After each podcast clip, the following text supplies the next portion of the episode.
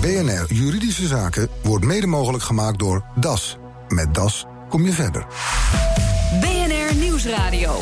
BNR Juridische Zaken. Ronald Olsthoorn. Goedemiddag. Vandaag richten we de blik op een bijzonder college binnen de Nederlandse rechtspraak. De ondernemingskamer van het gerechtshof in Amsterdam. En dat doen we naar aanleiding van het maar voortdurende gevecht rond het Spaans-Russische bedrijf Z+. Dat zelfs leidde tot de arrestatie van bestuurder Peter Wakkie op de luchthaven van Madrid. En dat is alweer een week of twee geleden, Nelleke. Maar wat is de huidige stand van zaken in deze kwestie? Nou, hij is nog steeds bestuurder van Z, een applicatiebouwer met Russische en Spaanse aandeelhouders. Zij hebben ruzie met elkaar en daarom was Wakkie door de ondernemingskamer aangesteld als onafhankelijke bestuurder. Hij moet kort samengevat de verkoop van Z in goede banen leiden om een faillissement te voorkomen. En dat hij nu nog steeds bestuurder is, dat is niet vanzelfsprekend. Nee, de Spaanse aandeelhouders, eigenlijk de oorspronkelijke oprichters en eigenaar, die wilden Wakkie weg hebben, omdat hij niet onafhankelijk zou zijn en het bedrijf voor veel te weinig aan een Rus zou willen verkopen en vanwege die arrestatie op verdenking van faillissementsfraude. Nou, dat verzoek hebben ze dus ingediend weer bij de ondernemingskamer. Maar dat is niet gelukt. Vorige week wees die ondernemingskamer dat verzoek helemaal af om hem te vervangen.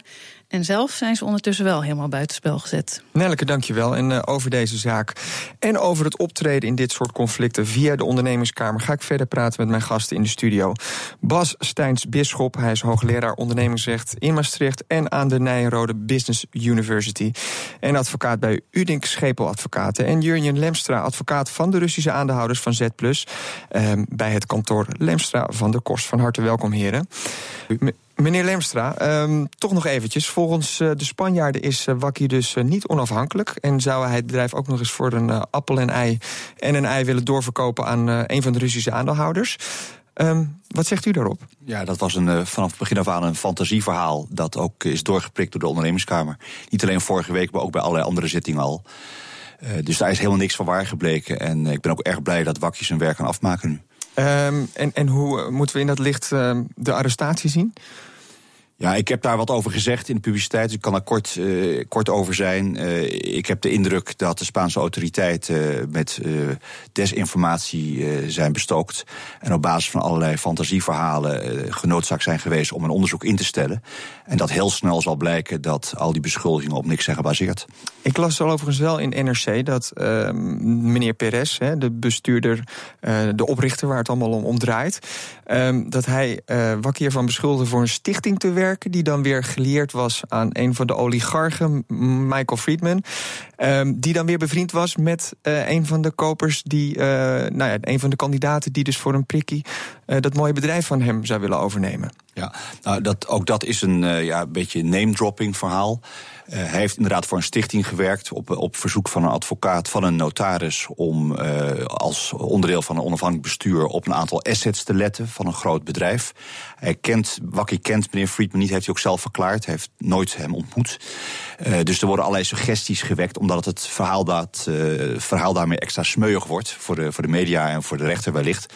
Maar ook de ondernemerskamer heeft ernaar gekeken en daar geen enkele aanleiding in gezien om aan de objectiviteit van Wakkie te twijfelen. Maar toch beschuldigd worden in een smeergeldaffaire, dat is ook niet niks, denk ik. Nee, het is heel heftig wat, als, uh, wat je als bestuurder dan voor je kiezen krijgt. En uh, daar komen we misschien uh, zo meteen nog even op terug. Ja. Ik denk ook dat er wel aanleiding bestaat om eens te gaan kijken of die OK-bestuurders niet beter beschermd kunnen worden. Komen we straks zeker nog even op. Maar om dit even af te ronden, ehm, Peter Wakkie heeft nu.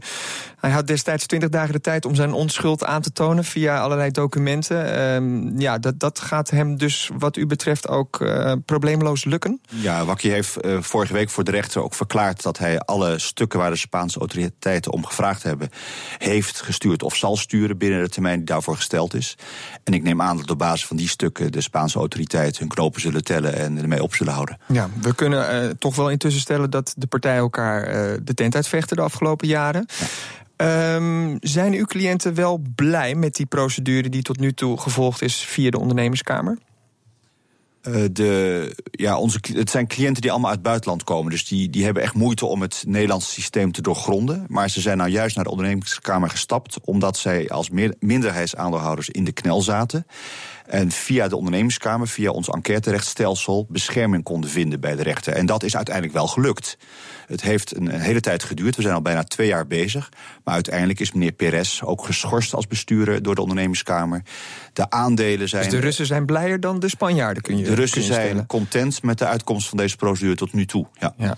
Meneer Stijns Bisschop, u eh, zit ook natuurlijk met heel veel belangstelling deze zaak te volgen, denk ik. Al is het maar omdat er nog nooit een bestuurder gearresteerd is, denk ik. Nee, de strafrechtelijke aansprakelijkheid van een bestuurder is eh, een unicum.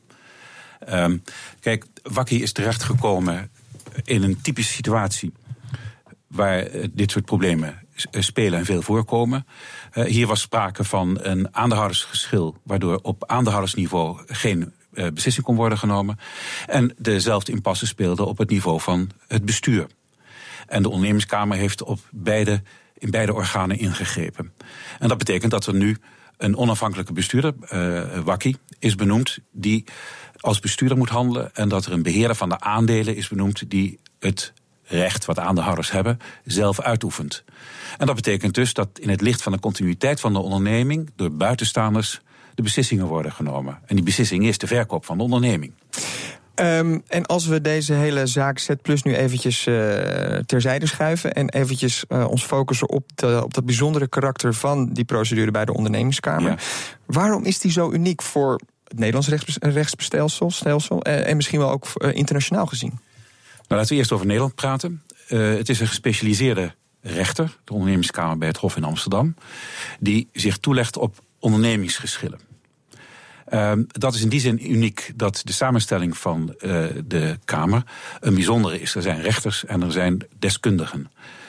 Ehm, een ander aspect is dat een verzoek aan de ondernemingskamer om in te grijpen in het leven van een vennootschap een bijzondere eigenschap is toegekend. En dat is de eigenschap dat onmiddellijke voorzieningen ter oplossing van een onmiddellijk spelend probleem gevraagd kunnen worden en in de regel ook worden toegewezen.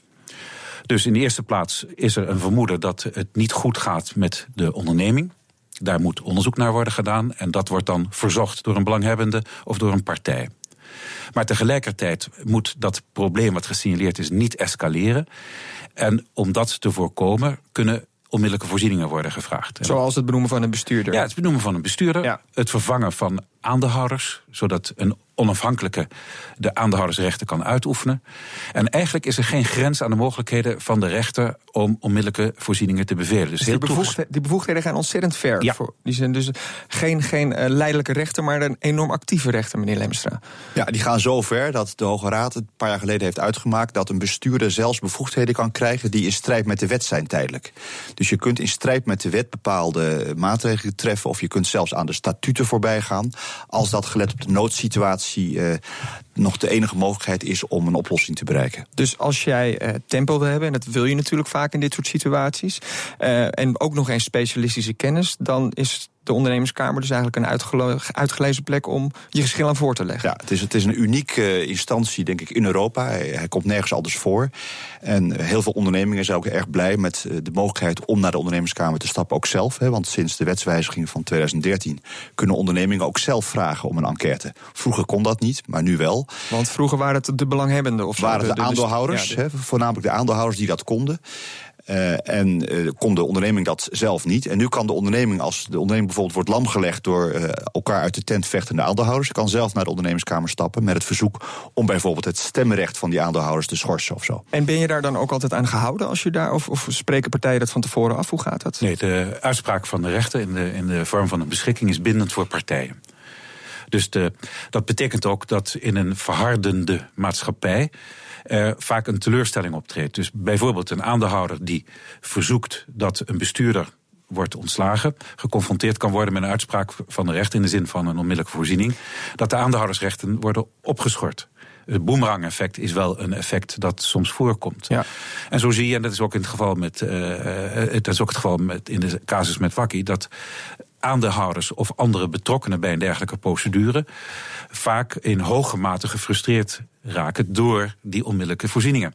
Dan blijkt het uiteindelijk een Pyrrhus-overwinning of zo. Ja, dat kan zijn. Ja. Dat kan zijn. Um, is het wel zo dat, dat de bedrijven waar het nu om gaat... die zijn uiteindelijk natuurlijk ook gewoon in Nederland gekomen... omdat het fiscaal eh, gunstig voor hen was. Er komt deze voorziening van de ondernemerskamer nog een keertje bij.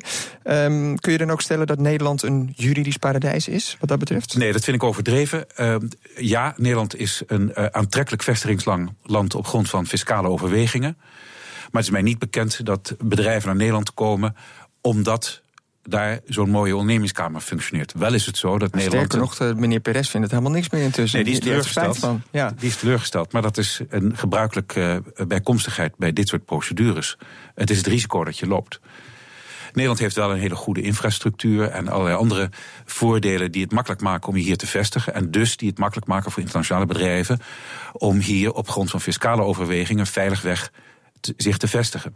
En meneer Lemster, hoe gaat dat met de benoeming van uh, de bestuurders vanuit de ondernemingskamer? Wanneer kom je daarvoor in aanmerking?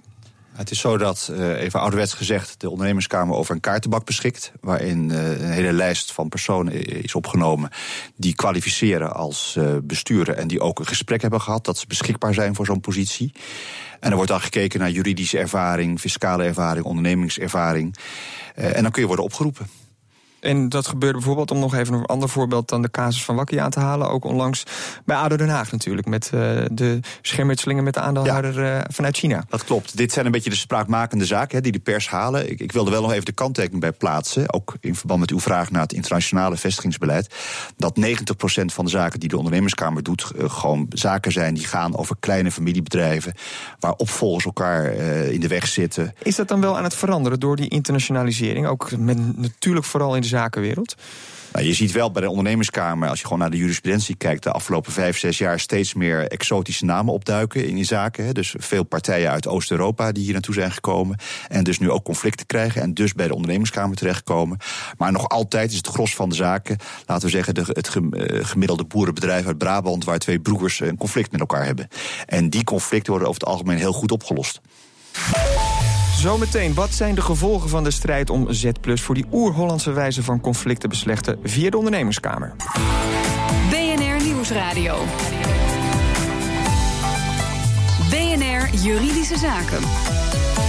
Ja, je wordt geacht de zaak op te lossen en dan word je op het vliegveld van Madrid in de boeien geslagen. Zoals bekend overkwam het Peter Wakkie, die als bestuurder door de ondernemingskamer was aangewezen om orde op zaken te stellen in het wespennest van het Spaans-Russische bedrijf Z+. Ik had het er voor de break al eh, uitgebreid over met mijn gasten Bas Stijns Bisschop, hoogleraar ondernemingsrecht aan de Maastricht University, en Nijenrode en Julian Lemstra, advocaat van de Russische aandeelhouders van Z+. Um, in de onderbreking uh, zei meneer Stijns Bisschop dat die zaken niet voor 90% alleen maar uh, ontstaan bij conflicten in familiebedrijven, maar dat er ook nog een andere belangrijke lood aan de stam is waar veel zaken uit voortkomen voor die ondernemingskamer. Ja, er zijn twee categorieën zaken. De, het MKB is, is pakken weet uh, 80% van de Nederlandse economie en weer 80% daarvan is familiebedrijf. En in het familiebedrijf spelen heel vaak opvolgingsproblemen, maar ook bestuursproblemen.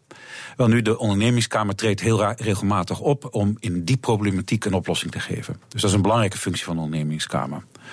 Een tweede categorie van uh, zaken die heel veel voor de ondernemingskamer komen, zijn zaken die uh, de continuïteit van de onderneming betreffen.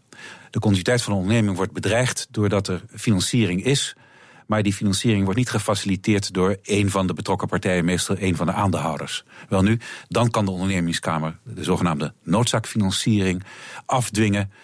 Um, zoals we voor de pauze al zeiden, uh, wellicht ook met uh, het negeren van statutaire eisen, zelfs ook met het negeren van wettelijke eisen.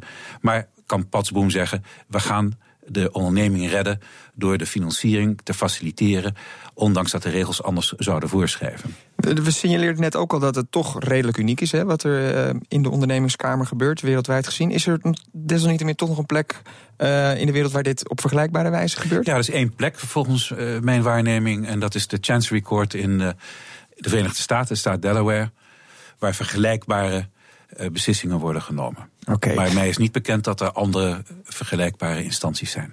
We hebben dus nu de arrestatie van Peter Wakkie gehad. Uh, ik kan me voorstellen dat als de spoed daarom vraagt en er een bestuurder wordt aangesteld, uh, er toch altijd beslissingen moeten worden genomen die voor de ene partij iets minder gunstig uitvallen dan voor de andere.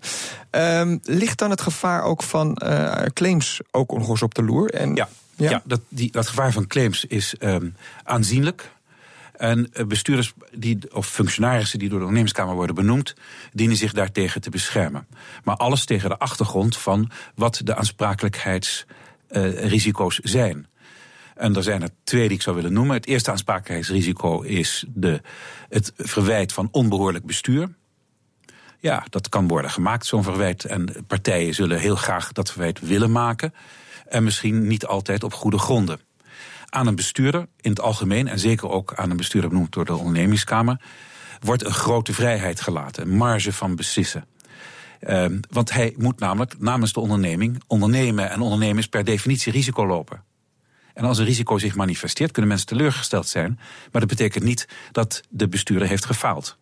Dus die marge van beslissingsvrijheid komt ook toe aan de bestuurder die door de ondernemerskamer is. En, en is er voldoende marge voor die bestuurder? Of zou die ja, bestuurder er wordt rekening gehouden met de omstandigheden van het geval.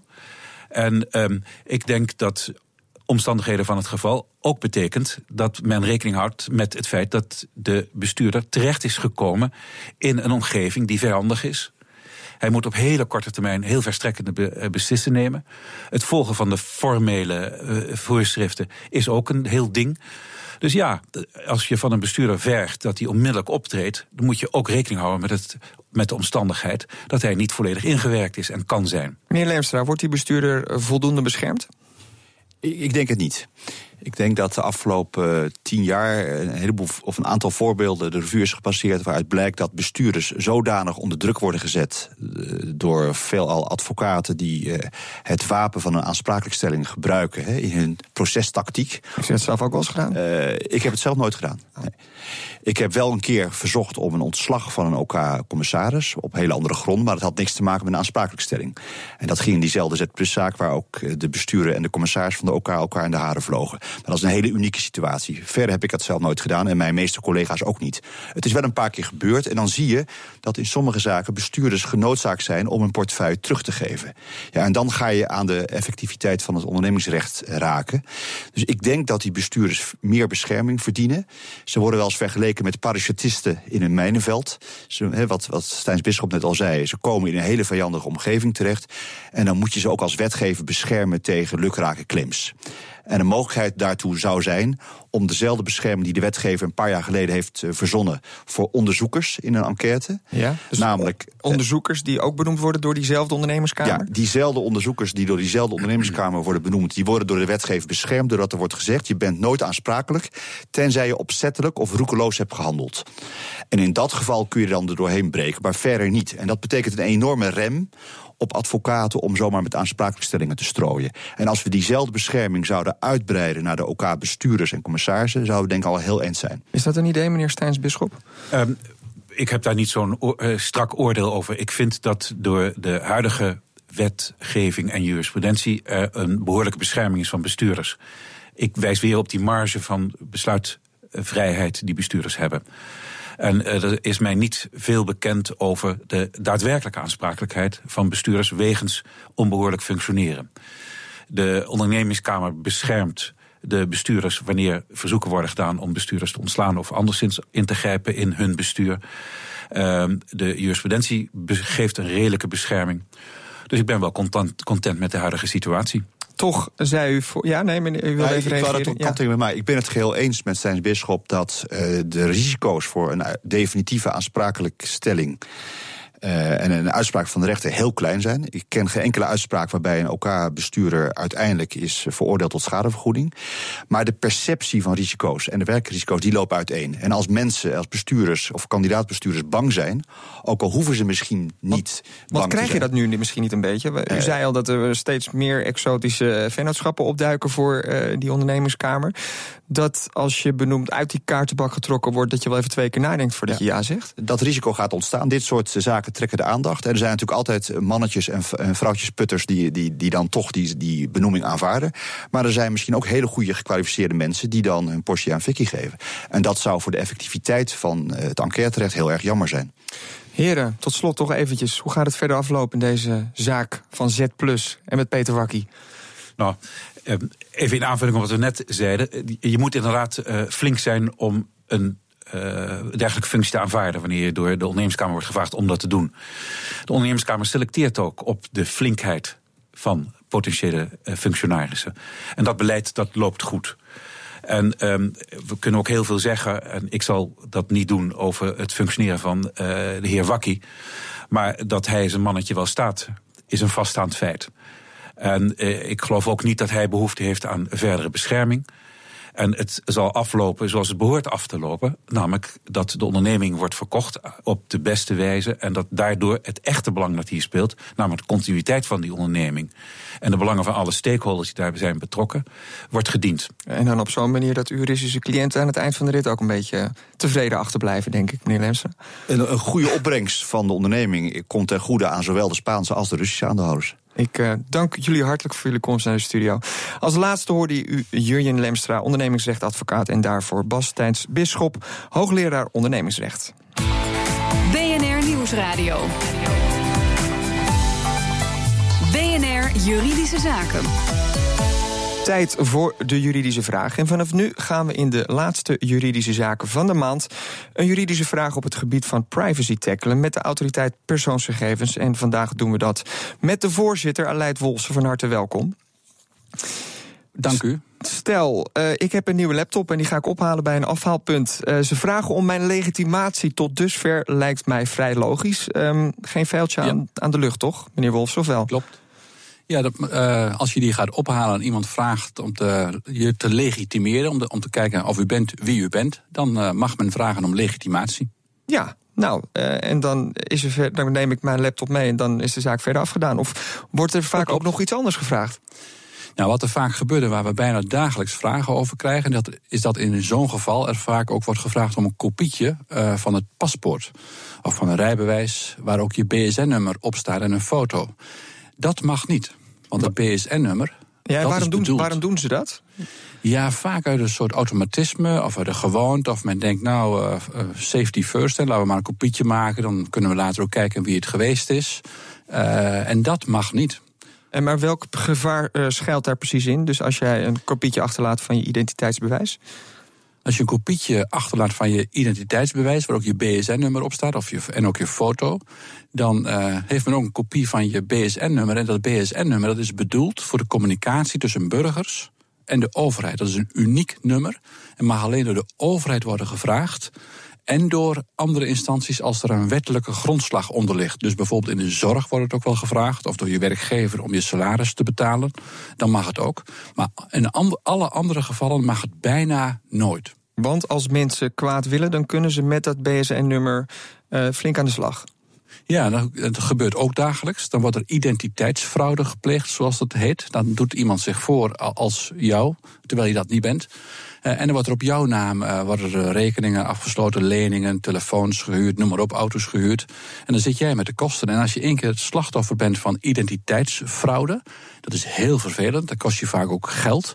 En je komt er ook heel lastig weer van af. Dus het achtervolgt je een hele lange tijd. Als je één keer iemand hebt gesproken die slachtoffer is geweest van identiteitsfraude, nou dan geef je van je leven nooit meer zomaar je paspoort af. Maar goed, ik wil toch mijn laptop als er om een uh, kopietje van mijn paspoort wordt gevraagd. Wat moet ik dan doen? Nou, wat dan verstandig is, is dat men mag wel je naam en je achternaam natuurlijk noteren. Uh, niet je BSN-nummer. Uh, en wat dan verstandig is, als men toch een kopietje wil met je naam en met je adres, maak dan een kopietje waarbij het BSN-nummer is afgeschermd en ook je foto. Dus dan heeft men wel de gevraagde gegevens, naam, achternaam, adres en dat soort dingen, maar niet je BSN-nummer en ook niet je foto. Dat is vrij simpel om te organiseren. Helder. Uh, nu zit hij voor ons uh, in onze studio in Den Haag. Uh, nu weet ik Klopt. dat je daar ook niet zonder jezelf te legitimeren binnenkomt. Heeft u wel uw eigen regels in acht genomen? Volledig. Ik heb namelijk me wel gelegitimeerd, maar verder niets afgegeven. Heel goed. Ik uh, dank u wel. Aleid Wolse, voorzitter van de Autoriteit Persoonsgegevens. En heeft u zelf een vraag op het gebied van privacy uh, als consument of als ondernemer? Mail hem naar juridischezaken.bnr.nl. Uh, elke laatste week dus van de maand uh, beantwoordt de autoriteit persoonsgegevens een vraag op dit terrein. En dit was de uitzending voor vandaag. U kunt de show nog eens terugluisteren via bnr.nl slash juridische zaken. Mijn naam is Ronald Olstorn. Tot de volgende zitting. BNR Juridische Zaken wordt mede mogelijk gemaakt door DAS. Met DAS kom je verder.